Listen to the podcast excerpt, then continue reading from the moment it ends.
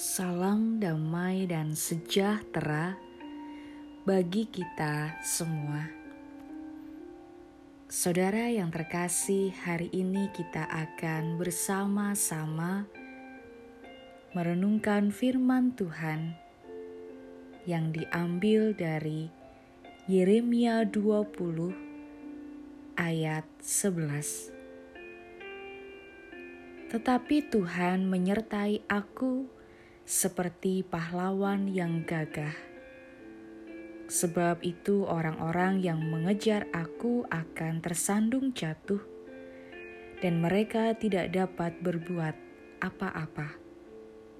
Mereka akan menjadi malu sekali, sebab mereka tidak berhasil. Suatu noda yang selama-lamanya tidak terlupakan. Harapan di tengah tekanan. Tekanan hidup kerap membuat orang menjadi jatuh pada keputusasaan. Lalu mengatakan, "Untuk apa aku hidup? Mengapa aku dilahirkan? Bukankah lebih baik aku mati selagi dalam kandungan?" Kalimat itu pun yang diucapkan oleh Yeremia kepada Allah. Ia merasa gagal dalam wartakan sabda Tuhan. Bukannya orang-orang mendengar dan bertobat, mereka justru memusuhinya. Ia dicemooh, diancam, bahkan dianiaya semua sahabat karibnya dan Imam Pasyur memusuhinya.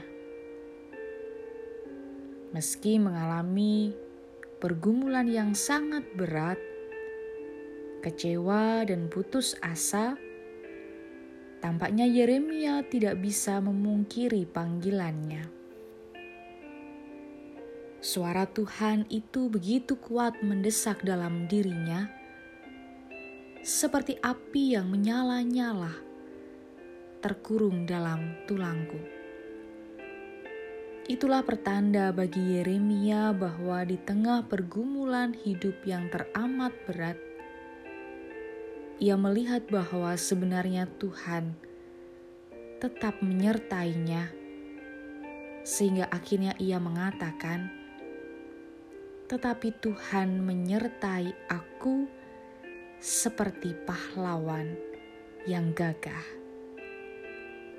Saudara yang terkasih, mungkin saat ini saudara sedang merasakan tekanan hidup yang luar biasa yang membuat kita merasakan putus asa. Banyak tekanan, cibiran, fitnah, dan aniaya yang mungkin saat ini saudara alami. Namun cobalah untuk merasakan dan mendengarkan suaranya di dalam hati kita. Dan yakinlah seperti Yeremia bahwa Tuhan selalu menyertai. Bukankah Tuhan juga senantiasa beserta kita seperti pahlawan yang gagah yang senantiasa menyertai kita. Lalu, mengapa kita berputus asa?